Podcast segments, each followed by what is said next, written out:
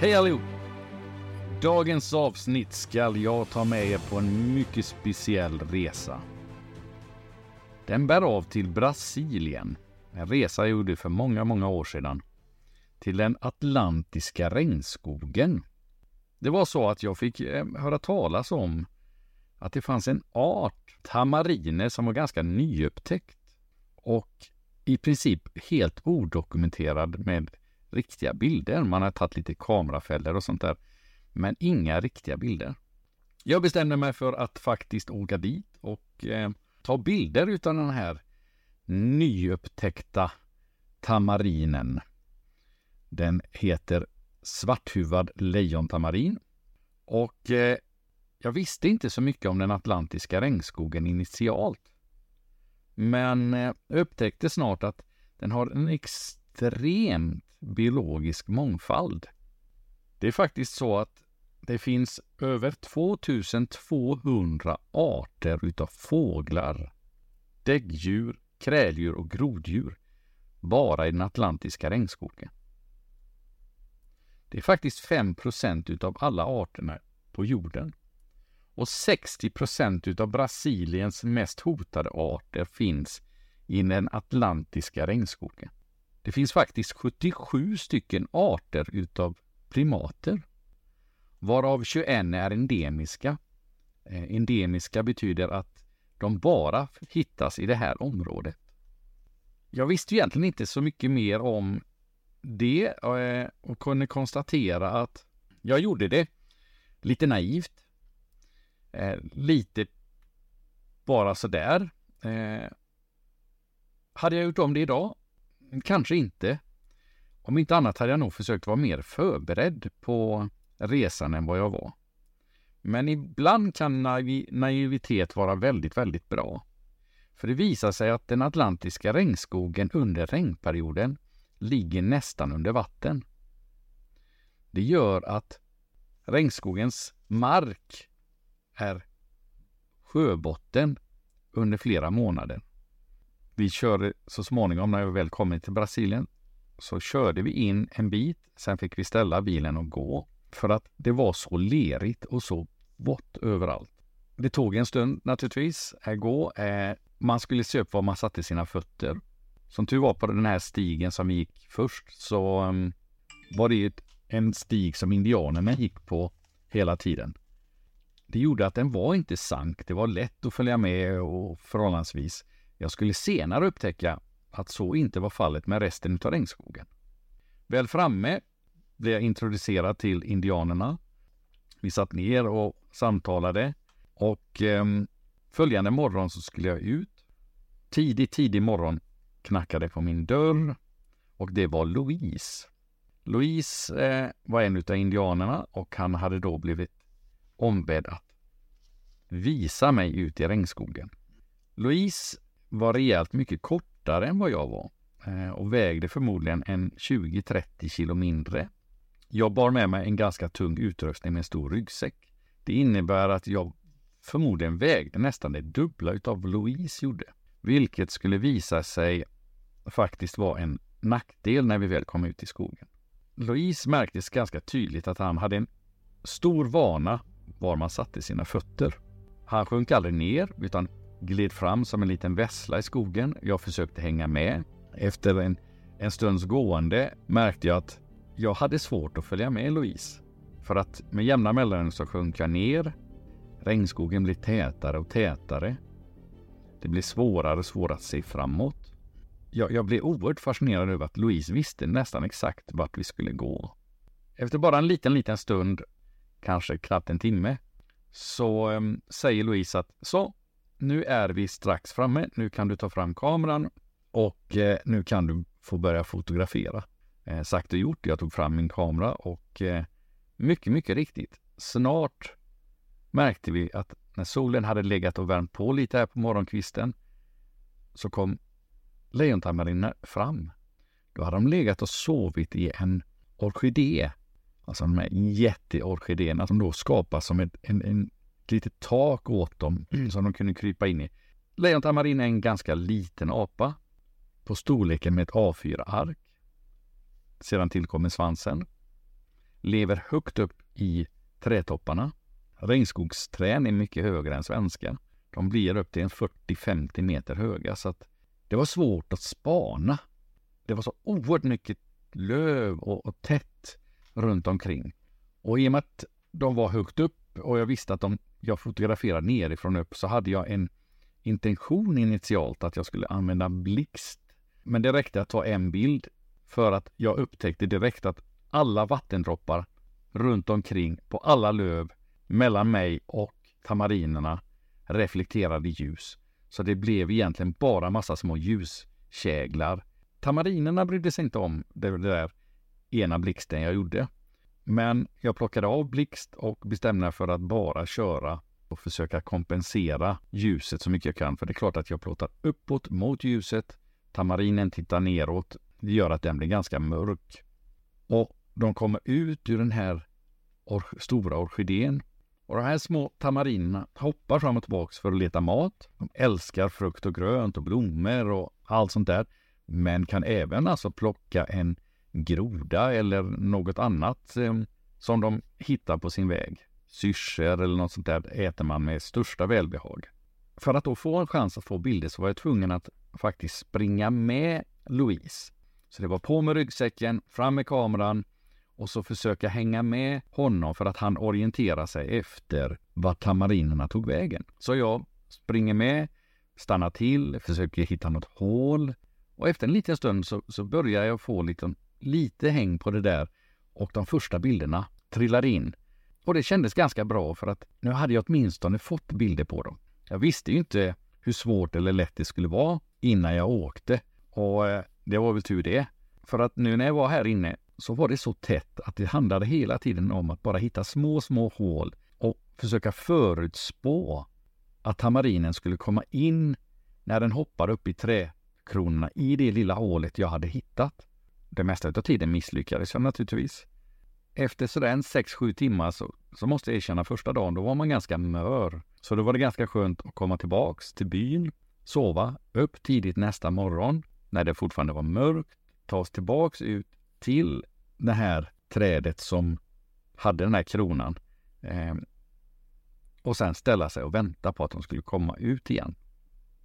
Och mycket riktigt som på ett klockslag, när solen gick upp och det började värma, såg man de här fantastiskt vackra små svarta huvudena sticka ur ur den här fantastiska kronan. Och, och så börjar dagens följande igen.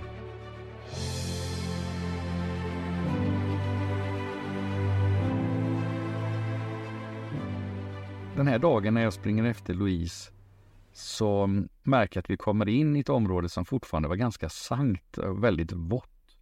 Så det gällde verkligen att vara observant på var man satte sina fötter. För att trampar jag rejält fel så går jag ner i den här bottenlösa leran som finns. Så springer Louise och det ser ut som lite så här fuktigt på marken. Ni vet ibland när man är ute i skogen så kan man se så här fuktfläckar. Men jag hade ju sett Louise hade sprungit över så jag springer över där också. Men springer rakt ut i ett stort sånt här lerhål och går ner med båda fötterna och sitter duktigt fast. Försöker rucka på mig och för att försöka få upp fötterna. Det enda som händer när jag försöker göra det, det är att leran öppnar sig och sluker mig ännu längre ner. Så ju mer jag rör mig, ju mer suger den ner. Till sist var jag uppe vid midjan. Varvid förmodligen Louise hade väl upptäckt att jag inte var bakom honom utan eh, hade vänt om, kom springande tillbaks, ställer sig på kanten och tittar med ett stort leende på läpparna och säger Behöver du hjälp? Och jag inser ju någonstans att i en sån här situation skulle jag aldrig klara att ta mig ur leran. För ju mer jag rörde mig, ju längre sjönk jag bara ner i där. Så Louise hjälpte mig av med ryggsäck och sa till mig att luta dig bakåt, lägg dig ner så platt du kan, stå inte upprätt för då sugs du neråt.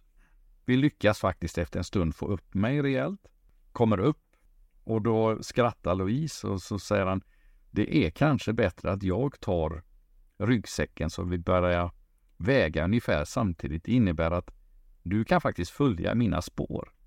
Jag tyckte det var en briljant idé. För att har man en gång suttit i en sån här lerslukhål så vill man inte gärna tillbaks kan jag säga. För det, det var en ganska märklig känsla att känna att ju mer jag rör mig, ju mer suger leran mig bara längre och längre ner.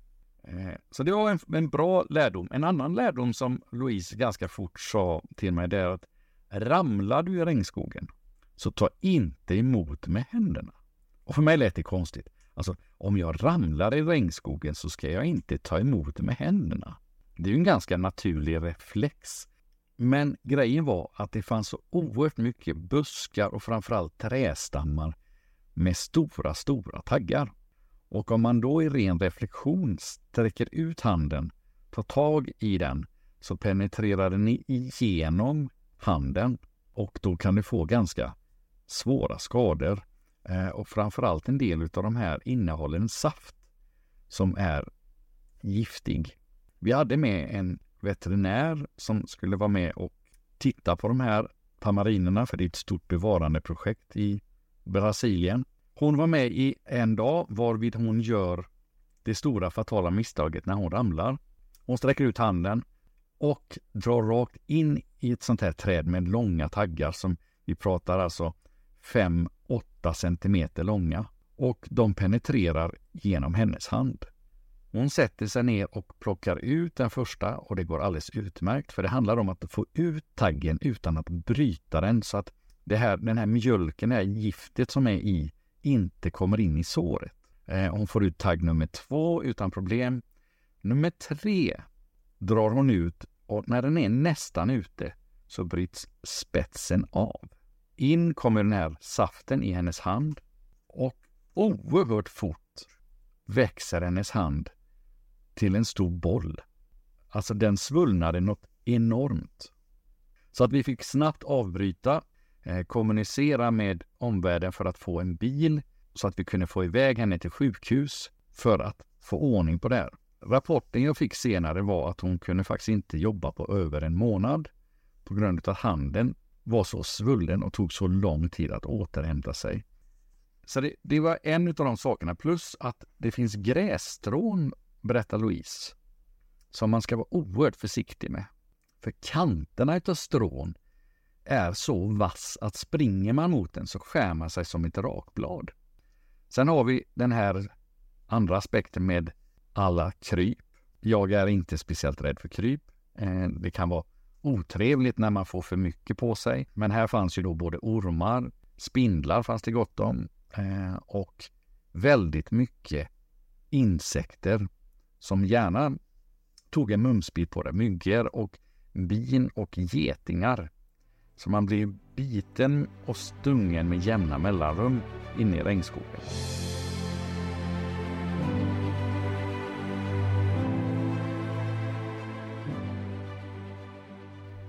När man springer sådär så hade Louise på sig en, en, en keps. Men kepsen var bakåtvänd. Men upptäcker ganska snart varför Louise har sin bakåtvänd.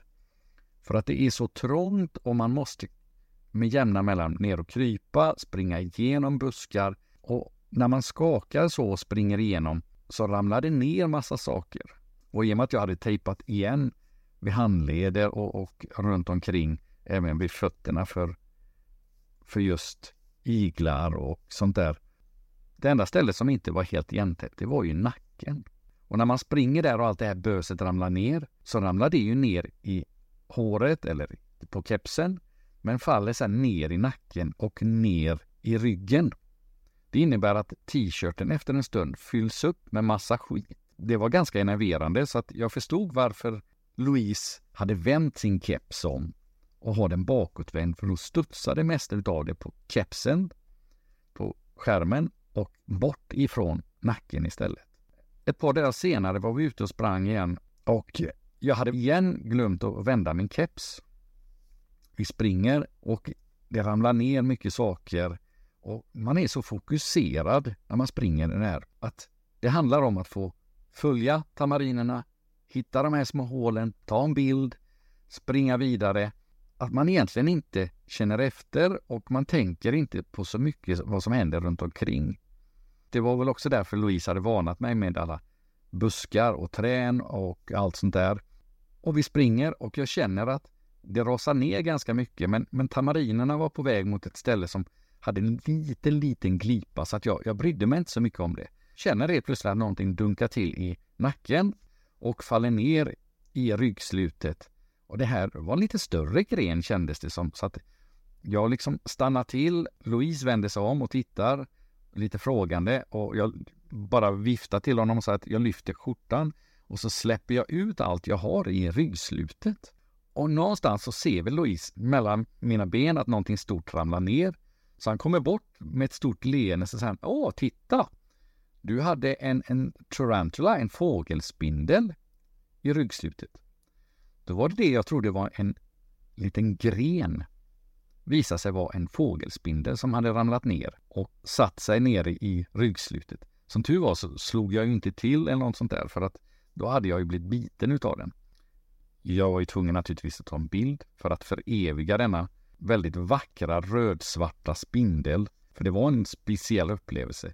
Men det var ett ytterligare ett tecken på att det är inte det mest gästvänliga område man kan tänka sig. Vi springer vidare och så någonstans hade jag pratat med forskarna innan det här och man hade hört talas om att tamarin ibland går till ihåliga trän och övernattar. Man hade aldrig sett det, men framförallt hade man aldrig fått det på bild. Och eh, en av de här sena dagarna på den här resan så springer vi. Någonstans längs vägen så säger Louise till mig, jag tror att de är på väg mot ett träd här borta. Nu måste vi springa före dem. Louise börjar sprinta. Jag springer efter, ramlar på vägen, snavar, gör det där fatala misstaget som Louise har sagt till mig, sträck inte ut handen. Men som tur är, den trästammen jag tar emot med har inte långa taggar utan många små. Jag tar emot med högerhanden, känner ganska fort att jag blir ganska full med taggar. Försöker plocka ut några få. Då hör jag Louise skrika att nu får du skynda dig. Nu är de på väg mot trästammar där jag misstänkte att de skulle kunna gå in. Sagt och gjort. Upp, springer bort, eh, lyckas ta mig igenom, fram och mycket riktigt, där är en, ett dött träd mitt inne i den här regnskogen och högt upp i den här finns ett hål. Och hör tamarinerna bakom de har ett högt, högt visslande ljud. Som ett litet tunt skrikande ljud har tamarinen. Mm. Har man hört det en gång så, så misstar man sig aldrig. Och eh, jag försöker få upp kameran men inser någonstans att jag har så mycket taggar, framförallt på pekfinger och tumme, att eh, det blir svårt att fotografera. Så att jag, jag skyndar mig att bita bort så mycket taggar jag kan eh, och framförallt även i handflatan. Då kommer tamarinerna De är oerhört snabba, hoppar upp över, in i en lian bakom det här träet. Snabbt som tusan lyckas jag få fram kameran, ställa ordning och den första hoppar ner, kryper in i hålet och försvinner bort. Jag stod kvar oerhört fokuserad och tänkte att okej, okay, jag fick det i alla fall bilder när det gick in. Men vi har ju en kvar. Och står kvar och tittar upp mot det här hålet. Alldeles då så tittar den första ut. Vilket gör att jag får ju faktiskt fantastiska bilder på en tamarin som tittar ur ett bohål. Alltså bilder som ingen har tagit förut. Och då visslar den här tamarinen på den andra. Varvid den eh, skyndar sig ner och jag ser den komma in och krypa in i det här hålet.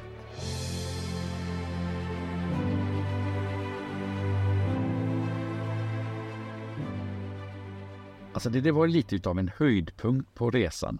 Att drömma om en bild som ingen annan har tagit förut och sen lyckas få den utav ren tur gav ju en extrem kittling i kroppen.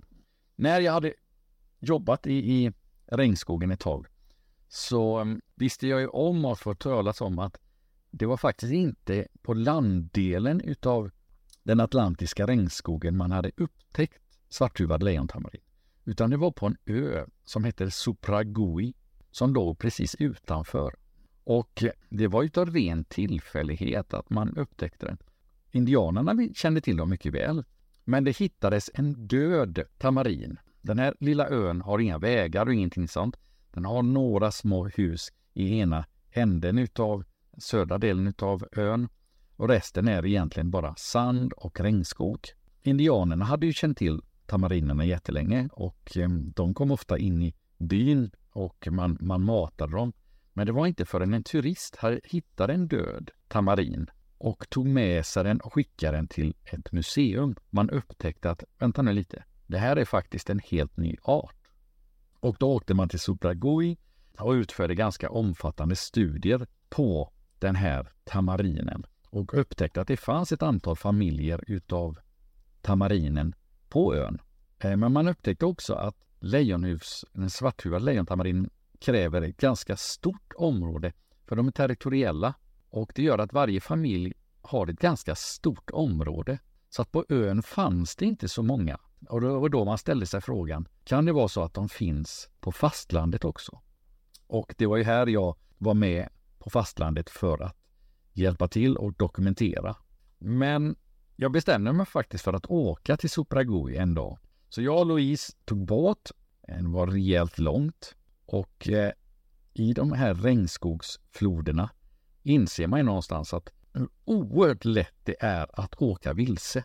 Jag hade aldrig någonsin hittat varken fram eller tillbaka. För jag, jag tyckte varje sväng, varje ny liten kanal såg likadan ut som den vi kom ifrån. Som tur är så var Louise uppväxt i det här området så att han hittade fram och vi kommer till den här otroligt vackra ön Supragui. Bara vita sandstränder där. Jag börjar vandra uppåt längs sandstranden. Efter någon timmes gående träffar jag på, ihop med Louise, en äldre man som står och fiskar. Vi börjar prata med den här äldre mannen. Så visar det sig att den här äldre mannen har hela sitt liv levt på Supragui. Han har aldrig någonsin varit utanför ön. Han bjöd oss med till sin hydda med, med en liten vacker trädgård han hade gjort runt omkring sin hydda. Och vi frågade honom om just lejontamarin och han kände mycket väl till lejontamarinerna och eh, hade sett många utav dem.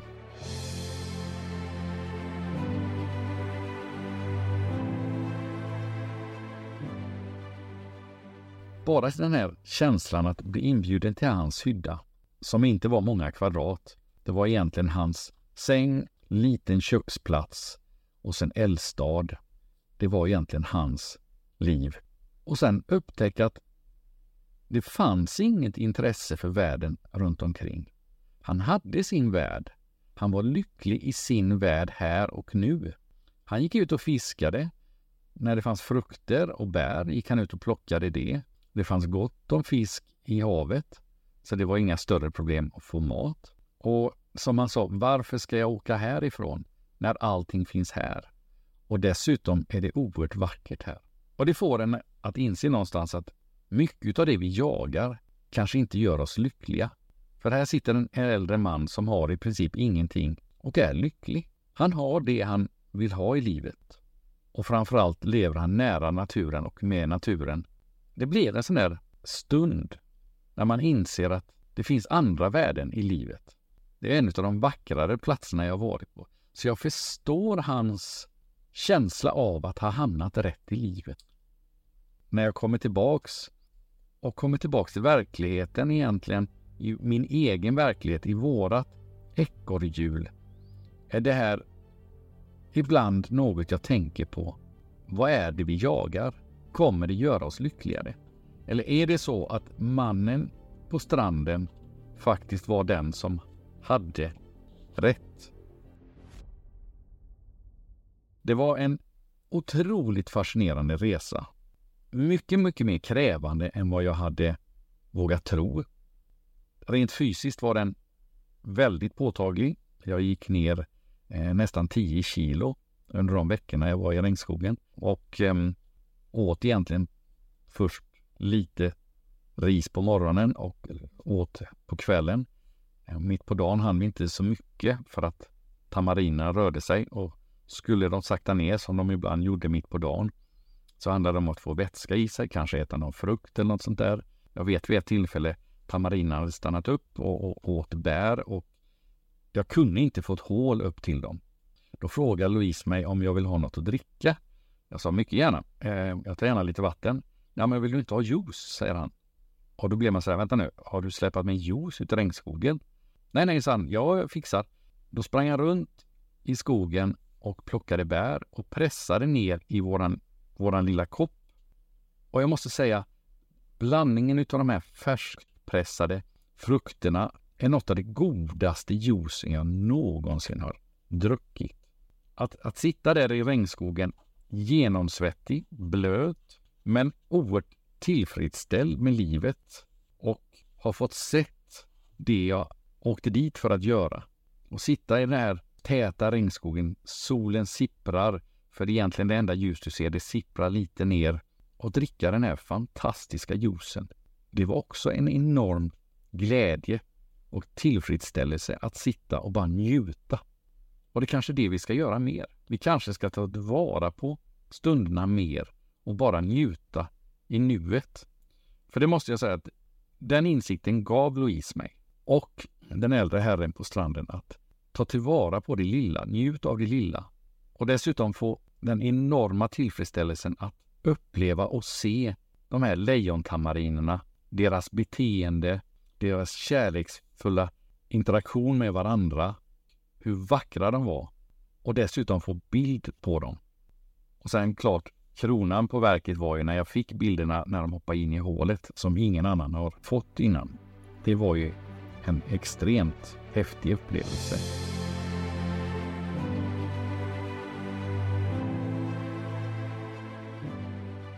När jag kom hem och tittade tillbaks så bestämde jag mig ganska fort för att det här måste jag göra någonting utav. Så jag bestämde mig för att faktiskt göra en bok utav det. Och eh, hade den extremt stora äran att få Jane Goodall att skriva förordet till den. Och en annan god vän som var egentligen var den som skapade hela den här situationen och möjligheten för mig. Det är Bengt Holst ifrån Danmark. En extremt duktig zoolog. Och det var han som egentligen planterade idén hos mig. För det var Bengt som hade talas om att de här fanns och att ingen hade dokumenterat dem ordentligt. Eh, och det var också Bengt som på skoj sa till mig att men du, ska inte du åka ner och eh, ta och fotografera de här? Du som gillar att fotografera. Och eh, sagt och gjort så blev det ju. Och eh, det är med stor tacksamhet jag känner mot Bengt och Jane och alla som gjorde det här möjligt. Men framförallt eh, till indianerna som lever där nere och lever med djuren. Och i den här ganska tuffa miljön som man kanske inte tror regnskog är. Jag är ytterst imponerad utav deras förmåga att leva och överleva i en så tuff miljö. Och jag hoppas att vi kan i framtiden lyckas rädda kvar den atlantiska regnskogen för att dess biologiska mångfald är så enorm och det är så vackert där. Och jag hoppas att brasilianska staten inser dess värde. Nu när man har bytt regeringsstyrande eh, så tror jag att det finns en ljusare framtid än vad det fanns innan. Och jag tror faktiskt att det finns många organisationer som jobbar ganska hårt för att just bevara den atlantiska regnskogen. För mig har det varit en fantastisk möjlighet, eh, en otrolig expedition att göra. Som jag egentligen inledde den här podden med att säga, skulle jag göra om det idag? Nja, kanske inte. Ja, framförallt skulle jag nog vara mer förberedd. Men naivitet som sagt kan vara en stor fördel. Och det gjorde ju också att resan blev av. Med det mina kära vänner tackar jag för dagens avsnitt. Och eh, vi hörs snart igen allihop.